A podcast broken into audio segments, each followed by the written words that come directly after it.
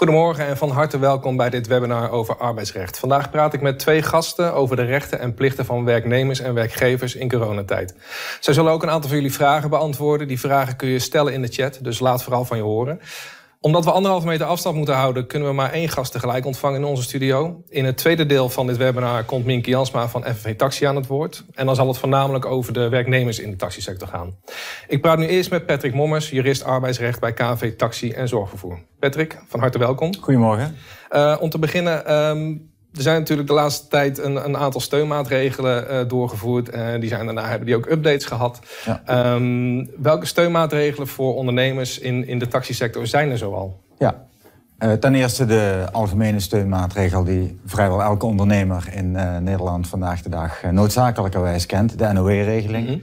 Dat is de regeling die ja, een tegemoetkoming biedt in het kader van loonkosten.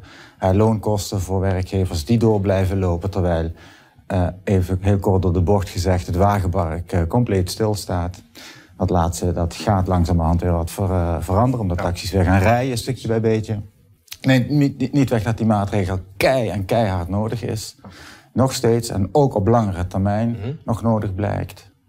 zal blijken te zijn, daar zijn we met z'n allen wel van overtuigd. Het kabinet was daar ook van overtuigd. Ja ten blijke van uh, de omstandigheid dat men onlangs, zeer onlangs, de NOE 2 heeft, in het leven heeft geroepen. Precies. Dat is eigenlijk een voortzetting van NOE 1 met ja. een aantal kleine verschillen.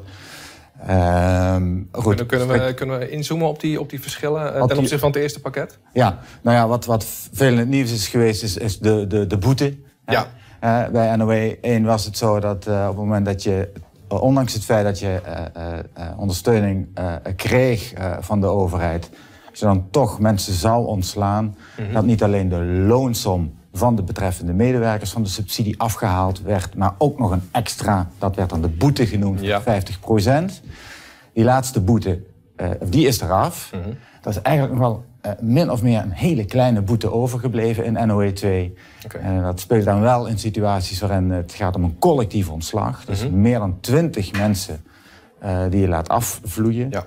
Daar moet je in overleg, sowieso in alle gevallen en ook in het verleden, al op grond van de wet, wet, collectief, wetmiddeling collectief ontslag, moet je met vakbonden aan tafel. Ja.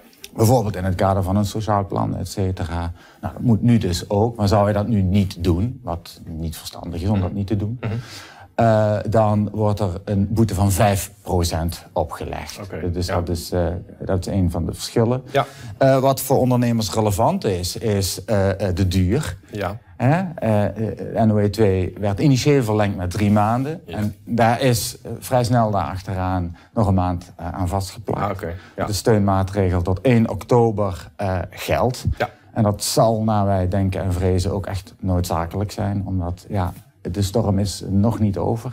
Nee, het is misschien pas vanaf vandaag dat het allemaal in, in hele beperkte mate weer een klein beetje op gang gaat komen. Ja, exact. Ja. exact. Het is natuurlijk ook zo dat, dat niet alleen de NOE 2 als steunmaatregel -hmm. geldt. Er zijn ook nog andere uh, maatregelen. Bijvoorbeeld de TOZO-regeling die meer ziet op ja. uh, ZZP'ers. Uh, wat goed is om te zien is dat het kabinet ook heeft ingezien dat ondanks de NOE-regeling toch veel bedrijven nog steeds met andere vaste doorlopende ko uh, kosten geconfronteerd worden en blijven worden. Mm -hmm. En daarom is er een regeling tegemoetkoming vaste lasten in het leven geroepen. En die uh, ziet erop dat uh, ondernemers een tegemoetkoming kunnen krijgen tot 1 oktober tot een maximaal bedrag van 50.000 euro. Okay, ja. Uh, die regeling is ook omzetgerelateerd. En dat betekent wel dat er een omzetverlies van tenminste 30% moet zijn. Ja. In de NOE is die, is die norm lager, die moet meer dan 20% ja, omzetverlies ja. zijn. Ja. Ja. Okay. Dat uh, zijn zo een paar van de regelingen. En natuurlijk zijn er ook nog algemenere regelingen, namelijk de regelingen die de fiscus heeft opengesteld. Ja. Uh, uitstel van betaling, et cetera. Ja. En nog wat andere regelingen ten aanzien van overbruggingskredieten gaat misschien wat te ver om, om daar ja, in detail nu door te praten. Maar ze zijn echt stuk voor stuk. Niet alle regelingen zijn ook op alle vervoerders of alle ondernemers van toepassing. Er zitten allemaal uh, voorwaarden aan vast. Maar ze zijn stuk voor stuk noodzakelijk en ze blijven ook noodzakelijk. want het lijkt erop hè, dat het wat rustig aan het worden is. Hè. Taxis mogen ook weer gaan rijden, stukje bij beetje, et cetera. Ja.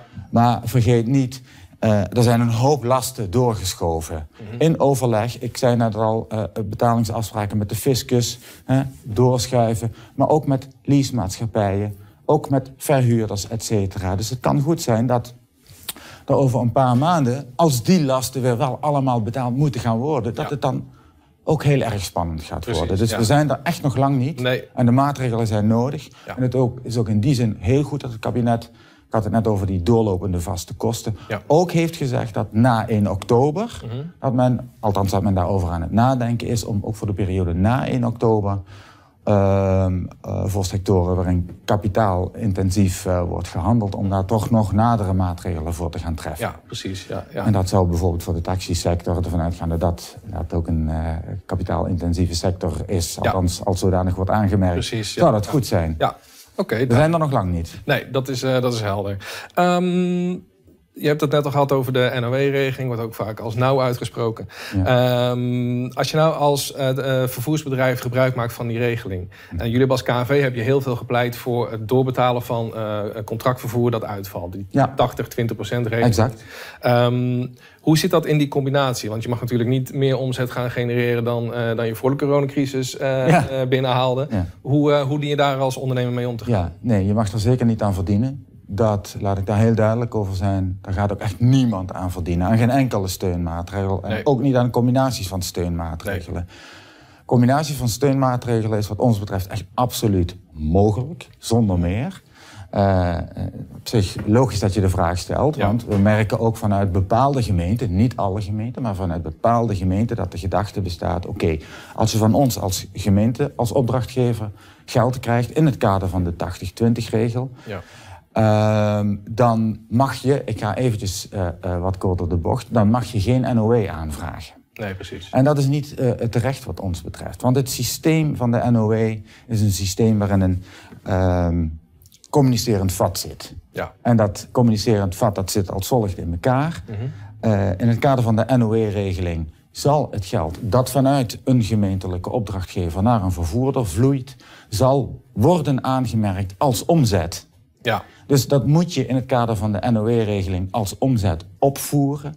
Dat leidt tot een lager omzetverlies, mhm. aangezien het percentage omzetverlies bepalend is voor de hoogte van de subsidie, de loonkostensubsidie die je krijgt, zal de subsidie lager worden. Ja. Dus ik krijg geld van de gemeente, dan heeft dat al een effect. Dus gemeentes hoeven wat ons betreft echt niet bang te zijn dat er een dubbele compensatie plaatsvindt. Nee. Nogmaals, men gaat daar echt niet, door, dat, door die systematiek die ik net kort beschreef, gaat men er geen geld aan overhouden. Nee, nee, en van de andere kant blijft het echt bittere noodzaak dat de bedrijven, de taxibedrijven, ook als de uh, coronacrisis verder afneemt, het hoofd boven water hebben kunnen houden. Ja, precies. Zodat alle mensen die vervoerd moeten worden, ook toekomstig vervoerd kunnen blijven worden. Ja als er geen wielen meer zijn, ja, dan is dat natuurlijk lastig. Nee, precies. Ja, ja. Dat zijn overigens nog best wel wat discussies met mhm. sommige gemeentes. Er zijn een hoop gemeentes die het gelukkig inzien, ja. goed doen, er op die manier ook echt gevolg aan geven. Mhm. Meteen op de knop drukken, bij wijze van spreken, zodat de vervoerder de ondersteuning daadwerkelijk ontvangt. Ja. Die heel hard nodig is. Ja, precies. Maar er zijn ook nog gemeentes waar dat nog niet het geval is. En ik zeg met nadruk nog niet. Want uh, wij snappen heel goed, wij snappen echt heel erg goed, dat het gaat om publiek geld. Ja. Publiek geld, geld van ons allemaal. Mhm. We snappen ook goed dat wethouders die de portemonnee van de gemeente in de hand hebben, daar goed op willen letten mhm. en later niet het verwijt willen krijgen van hé, hey, je hebt zomaar geld over de balk uh, gegooid. Dus dat men kritisch is terecht. Mhm. Maar wij zeggen wel, oké, wel binnen, binnen de normen die gelden. En ga nou niet nog extra normen opleggen. Wat we ook zien. Ja. Dat maakt het lastig. Uh, er zijn heel veel gemeentes in Nederland.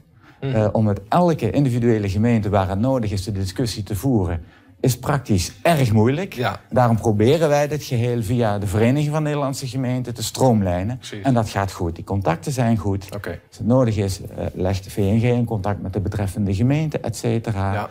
Uh, gemeentes hebben over, of uh, de Vereniging Nederlandse Gemeenten heeft overigens de individuele gemeente niet aan een touwtje. Hè? Mm Men blijft individueel. Een wethouder blijft natuurlijk ook politiek verantwoordelijk. Dat maakt het niet gemakkelijker natuurlijk. Maar goed, uh, betekent wel dat we daar dag in dag uit mee aan het werk zijn en blijven. Inderdaad. Um, is het dan intussen zo dat uh, bedrijven die misschien al toch al een tijd daar, daar tegenaan hikken... Zien jullie ook al leden in, in, echt in problemen komen? Want dit duurt natuurlijk al een, een aantal maanden. Dit, is, uh, dit hele gebeuren is nu een maand of drie onderweg. Uh, ja. uh, je hebt betalingstermijnen van vaak vier tot zes weken. Ja. Ehm, komen, komen er al bedrijven echt in? Nou ja, het, het water staat aan de lippen. Hm. En het, het moet niet verder gaan stijgen. Nee, precies. En, en wat je zegt, betalingstermijnen zijn vier tot zes weken. Natuurlijk is aan het begin van de crisis, ik zei dat net al, geprobeerd ja. om betalingstermijnen op te schuiven. En dat is omdat iedereen wel inziet uh, uh, dat het niet mogelijk is om meteen of binnen de normale betalingstermijn te betalen. Er zijn afspraken gemaakt over het opschuiven. Ja. Maar dat moment, ik had het er net over, dat gaat wel komen. Ja, precies. Nu nog ja. niet, maar over een paar maanden, op het moment dat die afspraken zijn uitgewerkt feitelijk, ja, ja. dan gaan de schuldeisers toch echt wel zeggen, omdat ze anders zelf in de problemen precies, gaan komen, wij willen toch wel ons geld hebben. En dan komt er uh, komt er waarschijnlijk nog wel een golf. Ja, precies. Ja, dus, oké. dus, uh, Duidelijk. Ja. Um, je hebt natuurlijk uh, de doelgroepenvervoer, dat zijn kwetsbare groepen. Uh, maar aan de andere kant heb je ook best veel chauffeurs in dat doelgroepenvervoer die zelf ook in risicogroepen vallen. Toch best wel, aardig wat uh, mensen die in ieder geval qua leeftijd in die groep vallen. Um, dus je hoort ook van ondernemers dat, los van het feit dat er nu nog niet veel te rijden is, dat er ook mensen zijn, chauffeurs, die dat nu niet aandurven, die willen of kunnen dat niet. Um, hoe hoe moet je daar als werkgever mee omgaan? Wat, wat is daar de juiste manier in? Ja, natuurlijk, je beschrijft even één situatie. Ja. Er zijn, er zijn uh, veel verschillende smaken. Hè? Als iemand zelf corona heeft of COVID-19, dan is het klaar. Dan is ja. iemand ziek, blijft hij thuis, krijgt hij loontijd ziekte. Ja. Geen enkele discussie. Vervolgens krijg je inderdaad mensen die zelf in een risicogroep zitten... of misschien wel menen of denken daarin te zitten. Mm -hmm. Nou, eh, dan zeg ik altijd, ga als eh, werkgever allereerst even goed uh, in gesprek met de betreffende medewerker. Van, ja. Waar zit nou echt het probleem? Waar ben je bang voor? Voel je je in het algemeen niet safe en zit daar eigenlijk minder onder? Of ben je, zit je daadwerkelijk in een risicogroep? Ja, precies. Et cetera? Nou ja, goed, aan de hand van zo'n gesprek ehm, merkt die medewerker al wat natuurlijk eigenlijk volstrekt logisch is. Ja, ik, ik word heel serieus genomen in, in, in mijn gevoel. Ja. Um, en dan, dan ga je even kijken hoe je daar mogelijk uit zou kunnen komen. Ja. Uh, ga als werkgever niet zelf bepalen... jij zit wel of niet in een risicogroep. Nee, precies. Daar heeft die werkgever niet voor geleerd. Die medewerker die dat mag vinden, overigens ook niet. Uh, men mag mij bellen, maar ik heb daar ook niet voor gestudeerd. Er is één professional die daar uiteindelijk wel voor geleerd heeft. En dat is de bedrijfsarts. Ja. Dus op het moment dat een gesprek of meerdere gesprekken uh, uh, dat niet ophelderen, zou een werkgever kunnen zeggen: Oké, okay, dan, dan schakel ik ja. de bedrijfsarts in. Dan ga ik daar eens vragen: van, Oké, okay, hoe moet ik daar nou mee omgaan in deze specifieke situatie? Mm -hmm. Stel dat de bedrijfsarts inderdaad bevestigt, meneer of mevrouw, uh, is, zit daadwerkelijk uh, in een risicocategorie, mm -hmm. ja, dan is het verstandig uh, uh, als de werknemer zelf ook inderdaad blijft aangeven dat ondanks alle beschermingsmaatregelen dat hij zich niet happy voelt, mm -hmm. dan is het verstandig om dan te zeggen, oké, okay, dan, dan, dan, zou je thuis kunnen blijven. Oké. Okay.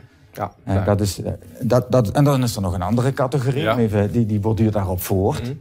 En dat is een chauffeur of chauffeuse die zelf niet in de risicogroep valt, maar thuis iemand, een echtgenoot of een partner, heeft zitten ja. die wel in de risicogroep uh, valt. Dan geldt eigenlijk min of meer hetzelfde. Okay.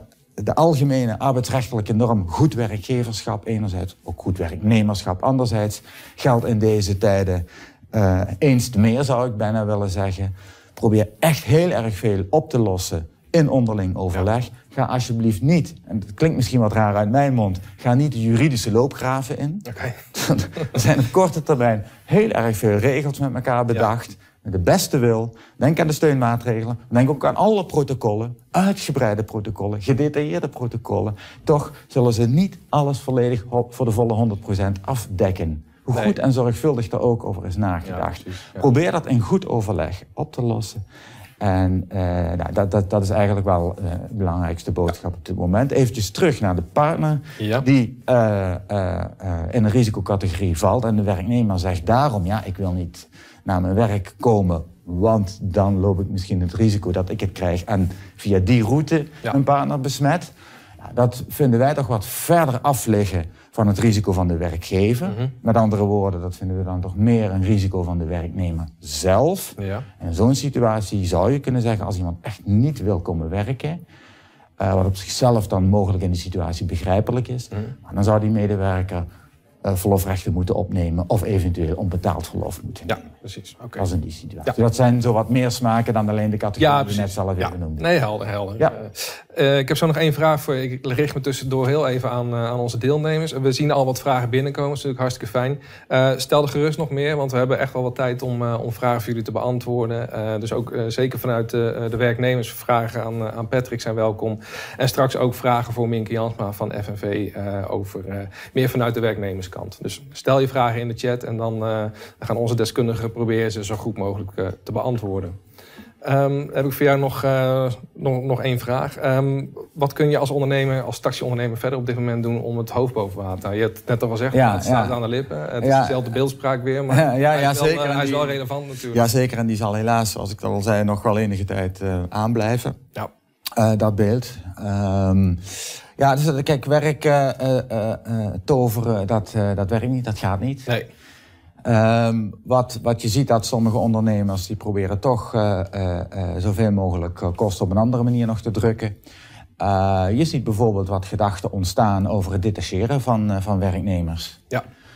Bij andere bedrijven, ja, dan waarschijnlijk niet bij taxibedrijven, nee, dat is... maar in een andere sector eventueel. In de transportsector zie je dat trouwens wel, want in de transportsector zie je uh, sectoren, het vervoer naar supermarkt, et cetera. Ja, daar heeft men gewoon echt mensen tekort. En anderszins, aan de andere kant zijn er bedrijven die ook helemaal stilstaan. Dus daar zie je collegiale uitleen. Ja. Nou, taxisector is dat wat, wat minder voor de hand liggend. Maar dan zie je gebeuren dat een, een taxibedrijf bijvoorbeeld een contact legt of heeft met een, ik noem maar eens een voorbeeldje, een couriersdienst. Ja. En dan zou je op die manier kunnen, kunnen proberen te realiseren, als een groot deel van de chauffeurs nog, nog, nog thuis helaas uh, zit en niet aan het werk kan, om op die manier die mensen gedetacheerd te krijgen. Ja. Uh, dat, dat, dat soort uh, initiatieven zie je ontstaan. Ja. Daar moet je trouwens ook wel weer even bij nadenken. Want ook daar zit natuurlijk, zou ik bijna willen zeggen, uh, weer wat haken en ogen aan. Op het moment dat je gaat detacheren is het verstandig dat je dat toch even, dat kan heel eenvoudig, bij de Kamer van Koophandel meldt. Mm dus het kan via een heel simpel webformuliertje. Maak er geen verdienmodel van. Nee. Dat, is, dat, is, dat moet je echt niet gaan doen. Uh, en let erop dat op het moment dat je dat gaat doen en je gaat factureren, je, dan is dat wel omzet. Ja, precies. Ja. En dan is dat omzet, en dan komen we weer terug bij de NOW, dan is dat wel omzet in, de, in, in het kader van de NOW. Met andere woorden, ja, je, zul, je bent zelf als ondernemer uh, vanaf het begin van de crisis rekening houden met alle steunmaatregelen die, uh, die er zijn, ben je in mijn ogen constant aan puzzelen, het mhm. financiële plaatje. Ja, dit is dan wel weer een, stukje, een puzzelstukje dat daarbij komt. Ja, precies. Dus het klinkt mooi, oké, ik heb personeel, ik moet loonkosten betalen, ik krijg vanuit de NOW daar wel een tegemoetkoming in, maar dat dekt zeker niet alles. Uh, dus ik ga toch nog kijken of ik op een andere manier een extra tegemoetkoming kan realiseren via die detachering is mogelijk, maar wil niet zeggen dat je er onderaan de streep 1, 2, 3 iets aan zult hebben. Nee, precies. precies. Ja, dus dat moet je echt zelf even heel goed nagaan. Ja, Hoe dat, uh, elkaar. Dat, is, dat is een initiatief. Ja, en verder zijn de mogelijkheden om het hoofd boven water te houden toch echt heel erg beperkt. Ja. ja. De taxisector zijn we, ja, blij is niet het goede woord. Maar wel, het is wel goed om te zien dat stukje bij beetje het vervoer nu toch wel weer wordt opgepakt. Precies, dat is gewoon het hardste nodig van allemaal. Dat, is het. De, de, de, voertuigen moeten rijden, de mensen moeten vervoerd worden, et cetera. En uh, de mensen moeten vervoerd worden in een andere uh, situatie dan voorheen. Uh -huh. uh, combineren zoals voorheen het geval was. Dat gaat niet. Hè? Er mogen minder mensen in een, in een, in een voertuig, ja. even afhankelijk van de specifieke setting, et cetera. Uh, betekent dat er meer solo moet worden gereden. Ja. Uh, ja, daar moet ook nog echt wel een oplossing voor komen. Want uh, meer solo rijden betekent gewoon meer geld. En op die manier hebben, hebben de bedrijven het vervoer in kwestie niet, niet gewonnen, niet gekregen. Nee, nee.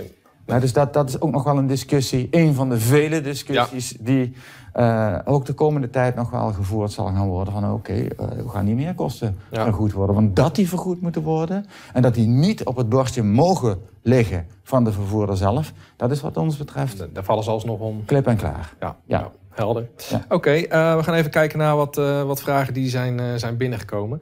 Um, deze vraag. Is de wet rechtsvermoeden van arbeidsomvang van toepassing in deze coronatijd voor de gemiste inkomsten bij een nul-urencontract?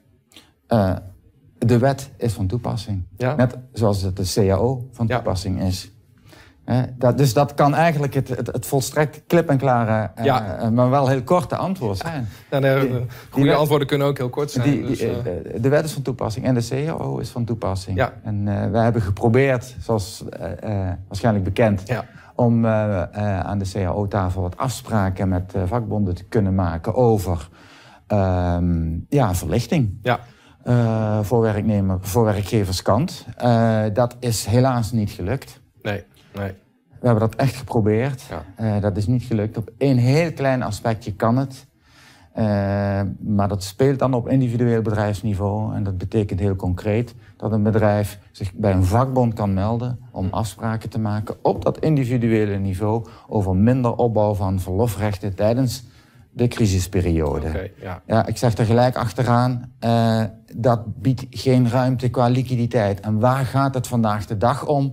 Om liquiditeit.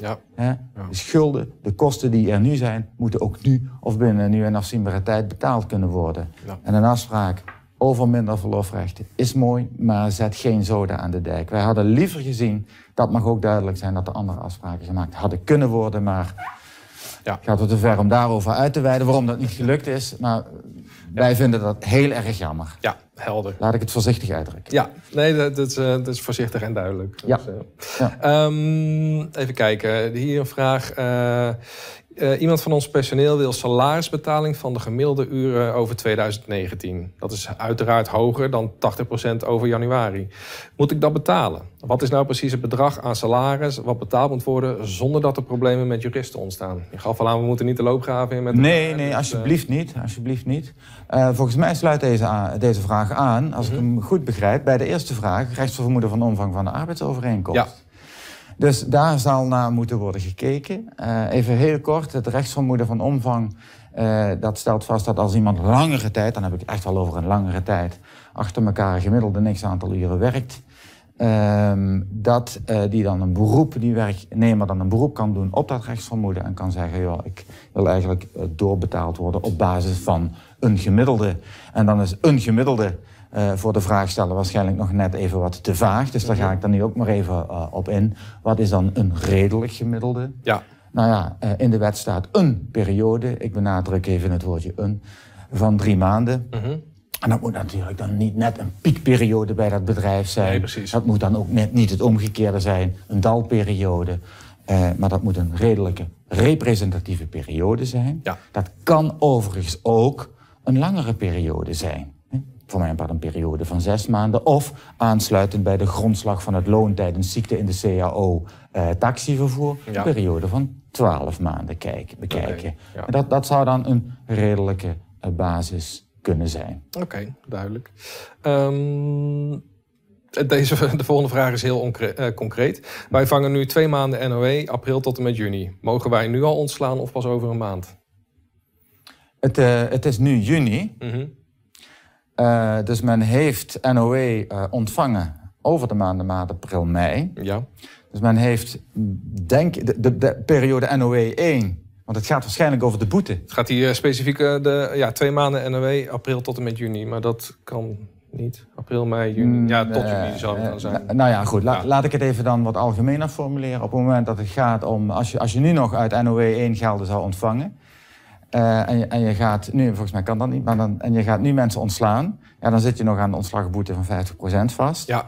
Dat zou je dus niet moeten doen. Nee. Wacht totdat de betreffende periode om is. Ik denk dat dat nu al kan, omdat vanaf 1 juni hè, hebben we NOE 2. Ja. Uh, dus dan, dan zou je dat zonder boete uh, kunnen doen. Let wel, aanhakend bij wat ik net al, al eerder zei. Op het moment dat het om een collectief ontslag zou gaan, mm -hmm. 20 mensen of meer in een periode van drie maanden, ja. dan moet je op grond van de wetmelding uh, collectief ontslag met vakbonden rond tafel. Doe je dat niet, dan zit je dus op twee manieren fout. Je handelt in strijd met de wetmelding collectief ontslag. Ja. Hetgeen voor een uiteindelijk ontslag gevolgen kan hebben. Uh, dat, dat is echt goed om daar rekening mee te houden. En dan komt die 5% die we ook al eerder vandaag aan de orde hebben gesteld, ja. uh, aan de orde. Okay. En dat je dat overleg met de bonden dus niet pleegt. Ja. Um, Iemand anders vraagt ook, uh, dat borduurt weer voort op het feit uh, als je iemand ontslaat. Uh, moet je dan transitievergoeding betalen? Ook daar kan ik weer een heel kort antwoord op geven. En het antwoord is ja. Ja.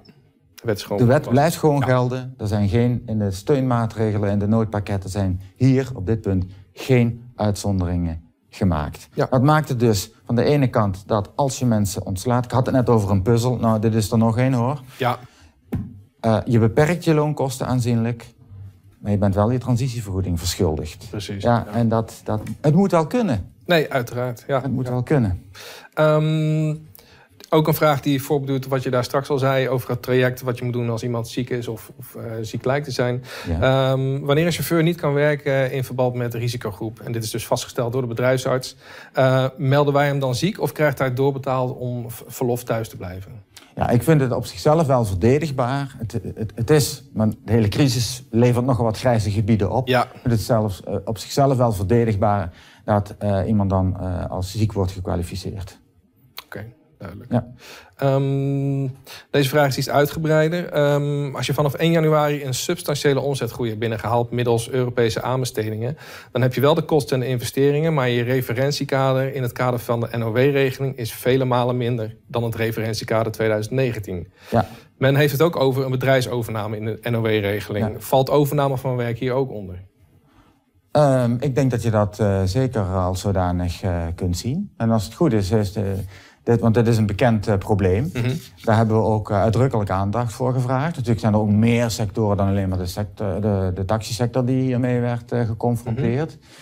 Mm -hmm. dus de problematiek is bekend en is ook wel opgepakt door het kabinet. Mm -hmm. En dat getuigt het feit dat, dat in de, in de verlengde maatregelen daar wel rekening mee is gehouden. precies. dus zodanig dat, dat ook bedrijven die initieel eigenlijk buiten de NOE-boot vielen, dat die nu mogelijk, ik blijf me even wat uh, voorzichtig uitdrukken, tuurlijk, omdat tuurlijk. Ja, er moet toch aan de, ook aan de nieuwe voorwaarden voldaan worden. Maar dat de mogelijkheid inderdaad wordt vergroot dat in dit soort situaties toch van de NOE gebruik gemaakt kan worden. Ja, precies. en mede daarom is de uh, mogelijkheid om nog gebruik te maken van NOE 1. Mm die is opgeschoven uh, tot 5 juni aanstaande. Oké, ja. ja. Oké, helder.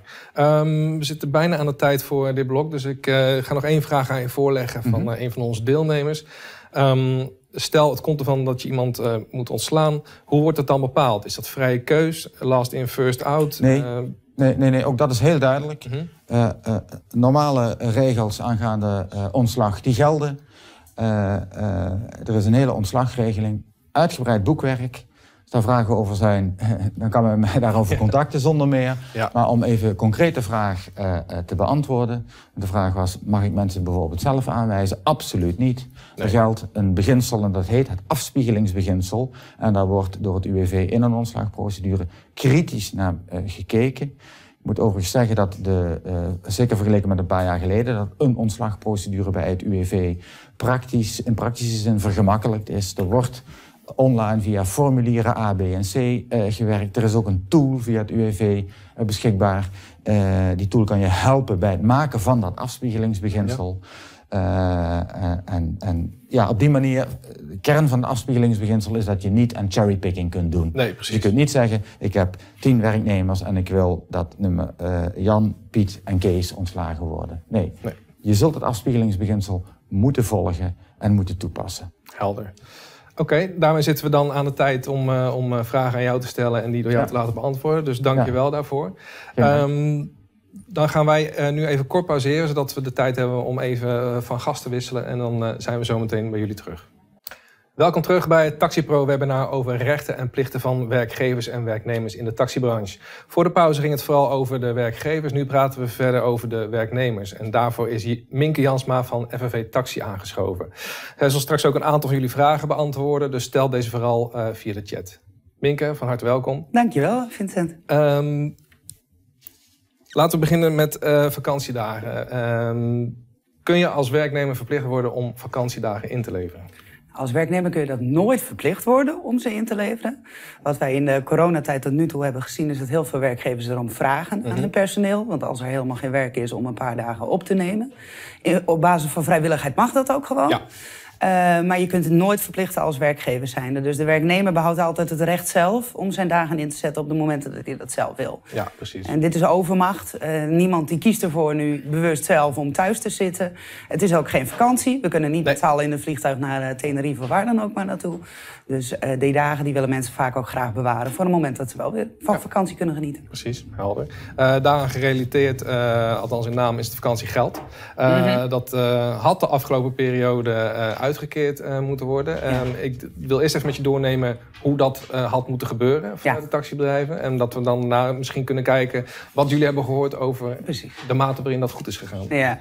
Nou ja, hoe het had moeten gebeuren. Vakantiegeld in de taxisector bouw je op van mei tot juni. Mm -hmm. Dat betekent dat het allemaal geld is wat gereserveerd is van werknemers in het afgelopen jaar. Dus eigenlijk feitelijk had dat in een potje moeten staan bij elke werkgever. En dan wordt het in mei uitgekeerd, eind mei met de salarisbetaling.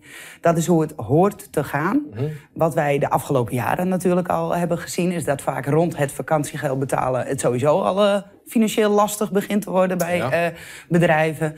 En dat verwachten we ook nu wel. We hebben nu nog niet heel veel signalen gehad dat het niet betaald is. Een aantal bedrijven, grote bedrijven, hebben het gewoon wel betaald. Dus dat is een goed signaal. Ehm, het moet ook gewoon betaald worden. En het moet ook tijdig betaald worden. En ik denk dat dat nog wel een heel belangrijk punt uh, is. Uh, het vakantiegeld moet inderdaad 1 juni gewoon betaald zijn aan iedereen.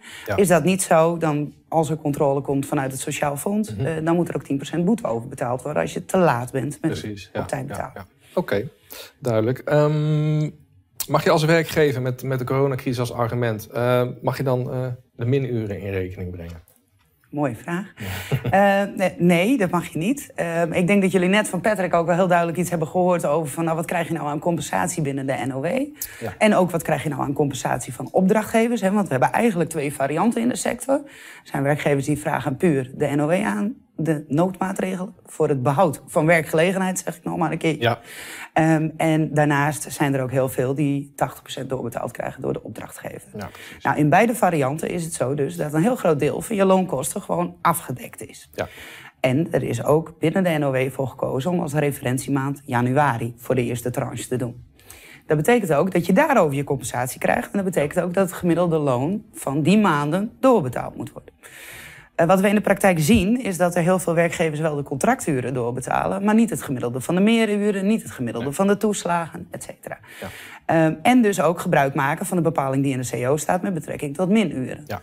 Wij zien dat als oneigenlijk gebruik van die minurenregeling. Het is gewoon heel simpel. Je krijgt compensatie over januari, dan is dat ook wat je door moet betalen aan je werknemers. Ja. En niet gaan schuiven met minuren, want nogmaals, het is overmacht. Precies. Niemand heeft hiervoor gekozen. En die nee. minuren zijn niet door toedoen van de werknemer nog de werkgever ontstaan. Nee, precies. En dan moet je nu op dit moment ook uh, fatsoenlijk met elkaar omgaan en niet min uren gaan schrijven in, in deze periode. Ja. We zien ook varianten dat mensen heel veel uren moeten inhalen, bijvoorbeeld. Dat is helemaal. Okay. Uh, dan hou je niet eens aan de CO, maar dan ga je gewoon de minuren doortellen. Dus okay, het, uh, ja.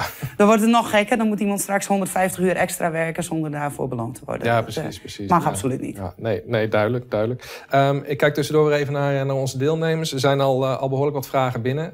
maar blijf ze stellen. we zullen zien waar we zo meteen tijd voor hebben. Maar blijf ze vooral stellen via de chat jullie vragen over, over rechten en plichten van werknemers op dit moment. Um, veiligheid is natuurlijk een groot issue op dit moment. Uh, ja. Ik had het net bij Patrick over uh, dat er chauffeurs zijn die niet kunnen en of willen rijden. Mm -hmm. uh, chauffeurs die dat wel doen, willen zich natuurlijk veilig voelen. Ja. Um, en dan gaan we het hebben over persoonlijke beveiligingsmiddelen. Ja. Um, jullie hebben natuurlijk een aantal protocollen opgesteld, samen Zeker. met de andere vakbond en met KNV. Wat, is daarna, wat zijn daar nou de rechten en plichten van, van, van de werkgever en werknemers in? Moet het ter beschikking worden gesteld? Moeten mensen dat zelf regelen? Nee, er zijn een aantal varianten. Um, als je alle protocollen doorkijkt, ja. uh, daar waar mogelijk moet je de anderhalve meter gewoon in stand ja. houden. He, dus dus als, als er een mogelijkheid is, of je rijdt met verlengde bus of wat dan ook, en je kunt gewoon die afstand bewaren en je hoeft niet hulp te bieden bij het in- en uitstappen, dan heeft dat altijd de voorkeur. Ja. Er zijn alleen situaties binnen taxivervoer waarbij je toch in de buurt moet komen van de cliënten die je vervoert. Je moet rolstoelen vastzetten, et cetera. Ja. Nou, daarvoor hebben wij voorgeschreven dat iemand een chirurgisch mondkapje als chauffeur moet dragen en de cliënt een normaal mondkapje moet dragen. Een beetje hetzelfde als in het OV. Um, die, die mondkapjes die moeten verstrekt worden door de werkgever, uiteraard. Uh, maar met mondkapjes alleen ben je er nog niet. Want je hebt natuurlijk ook reinigingsmiddelen nodig om de bus te kunnen reinigen. Uh, er is extra tijd benodigd, et cetera. Ehm, de werkgever is er verantwoordelijk voor dat alle middelen die een werknemer nodig heeft ter beschikking worden gesteld. Mm -hmm. En dan hebben we het ook echt over desinfectiemiddel. Ja. En dan hebben we het niet over groen aanslagreiniger of wat dan ook. Nee. Wat we ook tegenkwamen ja, ja. kwamen in de praktijk. Ik hoop dat dat nu met de protocollen ook eindig is. Dat het gewoon heel helder en duidelijk is wat er verstrekt moet worden. Werkgever moet het verstrekken. En uh, ja, de, de, extra tijd zal door de opdrachtgever betaald moeten worden. Ja, precies, Zo simpel is precies. het ook. Ja, je geeft inderdaad aan, de, de, dat is verantwoordelijkheid van, uh, van de werkgever. Hoe ver strekt dat? Met andere woorden, wat kunnen de consequenties zijn als dat uh, niet gebeurt? Los van het feit ja. natuurlijk dat mensen ziek kunnen worden. Maar ja. dat is natuurlijk het belangrijkste. Maar... Nee, maar los daarvan. Kijk, de, de, we hebben een arbowet in Nederland. Hè, die, die regelt gewoon onder welke omstandigheden moet jij je werk verrichten. Um, die is nu ook gewoon van toepassing. Eigenlijk zijn die protocollen ook een onderdeel van de uitvoering van die Arbo-wet. Ja. Op het moment dat jij als werknemer niet op een veilige manier je werk kan doen... en je loopt echt tegen die situatie aan van... nou ja, dit, dit, dit kan gewoon niet op deze manier. Nee. Zonder mondkapje, volle bussen. Nou, je kunt je er van alles bij voorstellen. Ja. Um, dan kun je in eerste instantie een melding bij ons doen. En wij kunnen dan ook namens de werknemers een melding doen... bij de inspectie voor sociale zaken. En die kan erop gaan handhaven en controleren... Ja. of het wel conform protocollen gaat of niet precies. Ja. Uh, het vorige blok is ook aan, aan bod gekomen, uh, de NOW-regeling, het doorbetalen van vervoer dat uitvalt. Uh, hoe, hoe zit het op dat punt met, nou, hoe zit het eigenlijk ook in zijn algemeenheid met, met loondoorbetaling? Dat is een zorgelijk punt, Vincent. Ja, een heel zorgelijk punt. Ja, ja. Nee, we zien bij heel, heel veel bedrijven dat die loondoorbetaling gewoon niet goed gaat. Uh mhm. -huh. En waarom gaat die niet goed? De, Patrick, die hoorde ik net al even toen ik op de gang stond ook iets over zeggen. Een werknemer heeft altijd recht op zijn gebruikelijke loon. Ja. En gebruikelijk loon betekent niet je contracturen. Gebruikelijk loon, dat kun je ook zien in, in het kader van de rechtsvermoede arbeidsomvang. Wat heb je de afgelopen drie maanden gemiddeld gewerkt? En dat is wat je doorbetaald ja. zou moeten krijgen. Dat gebeurt in de praktijk gewoon niet. En uh, daar zullen fantastische redenen voor zijn allemaal. Omdat er te weinig betaald wordt door opdrachtgevers... of omdat er te weinig geld vanuit de NOW komt. Maar feitelijk wordt er gewoon niet aan de wet gehouden. Nee, de wet is heel duidelijk, burgerlijk wetboek. Staat in, uh, werknemer heeft recht op zijn gebruikelijke loon. En dat is ook wat er doorbetaald moet worden. Okay. Maar in de praktijk vind ik dit echt het meest lastige punt op dit moment in de sector. Ja. We zien dat nagenoeg geen enkele werkgever zich eraan houdt. Oké, okay. okay. ja, dat is uh, zorgelijk inderdaad. Ja. Voor iedereen natuurlijk. Voor iedereen, is niet uit, uh, niet uit luxe. Maar, uh... Nee, en voor beide kanten is het niet uit nee, luxe. Hè? En, kijk, nee, je daarom. en je ziet in de sector heel duidelijk natuurlijk... er zijn mensen die hebben bijvoorbeeld maar een contract van 10 uurtjes... maar werken er effectief wel altijd 30. Ja. En die vallen nu terug naar een inkomen van 10 uurtjes. Ja, daarvan kun je de hypotheek en de huur, et cetera, allemaal niet gaan betalen. Um, dus daar waar misschien die werkgever een liquiditeitsprobleem oplost... Uh, creëert hij een liquiditeitsprobleem ja. bij zijn werknemers. Ja. En ik vind dat we daar met z'n allen uh, toch op een andere manier mee om zouden moeten gaan. Oké, duidelijk. Um, we gaan kijken naar wat, uh, wat vragen die zijn binnengekomen van onze deelnemers. Um, hier wordt even een situatie geschetst. Ik vervoer maximaal vier personen in mijn bus en de afstandsmaatregel wordt niet altijd gehaald. In de bus is dat minder. Ik ben niet beschermd tegen corona en mijn werkgever vindt bescherming niet nodig. Bij andere werkgevers rijdt de chauffeur allemaal in een geprepareerde bus. Wat kan ik als chauffeur nu het beste doen? Nou, als je je dus onveilig voelt, want die haakt een beetje in waar we het net al, uh, over hadden. Als jij je echt onveilig voelt, meld je in ieder geval bij je vakbond of meld je bij de inspectie sociale zaken. Dat je zegt van nou, ik heb recht op die beschermingsmiddelen. Ja. Staat gewoon in het protocol en ik krijg ze niet verstrekt. En dan kunnen die een controle gaan doen ter plekke om te kijken van hoe het uh, wordt uitgevoerd. Ja, precies. En, en desnoods krijgt de werkgever daar een boete voor. En dat zijn geen kleine boetes. Hoe groot zijn ze dan wel? Het gaat in een paar duizend euro. Oké, okay, ja, ja. ja. dus dat, is voor een gemiddelde taxiwerkgever is het allemaal altijd veel geld, maar dit is zeker veel. Ja, precies, precies, duidelijk. Um, even kijken. Mijn bedrijfsleider antwoordt op mijn vraag of ik een mondkapje moet gebruiken. Dat we alleen in Duitsland, als we ergens binnen moeten gaan, bijvoorbeeld Düsseldorf Airport, een mondkapje op moeten zetten. Dus ze worden ook niet verstrekt. Klopt dit dat ze niet, niet verplicht zijn voor chauffeurs? En hoe is deze regel voor klanten? Dus natuurlijk over die mondkapjes is eigenlijk al maandenlang heel veel te doen. Ja, ontzettend veel te doen, inderdaad. En we hebben geprobeerd in de protocollen. Ja. En die zijn pas eind vorige week. Dus ik zou ook me voor kunnen stellen dat nog niet iedereen het gelezen heeft.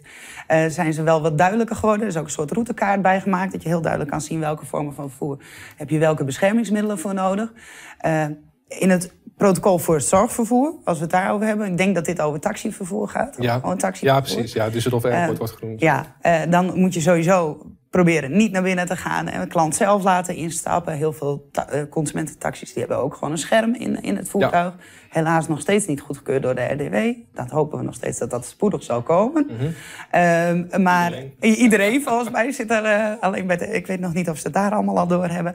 Um, maar feit blijft, als jij in contact komt met uh, cliënten, personen die je moet vervoeren. dan, dan moet jij ook gewoon je persoonlijke beschermingsmiddelen hebben als je ja. in contact moet komen. En anders anderhalve meter en niet naar binnen gaan. Nee, ja. precies. Ja. Simpel als dat. Ja.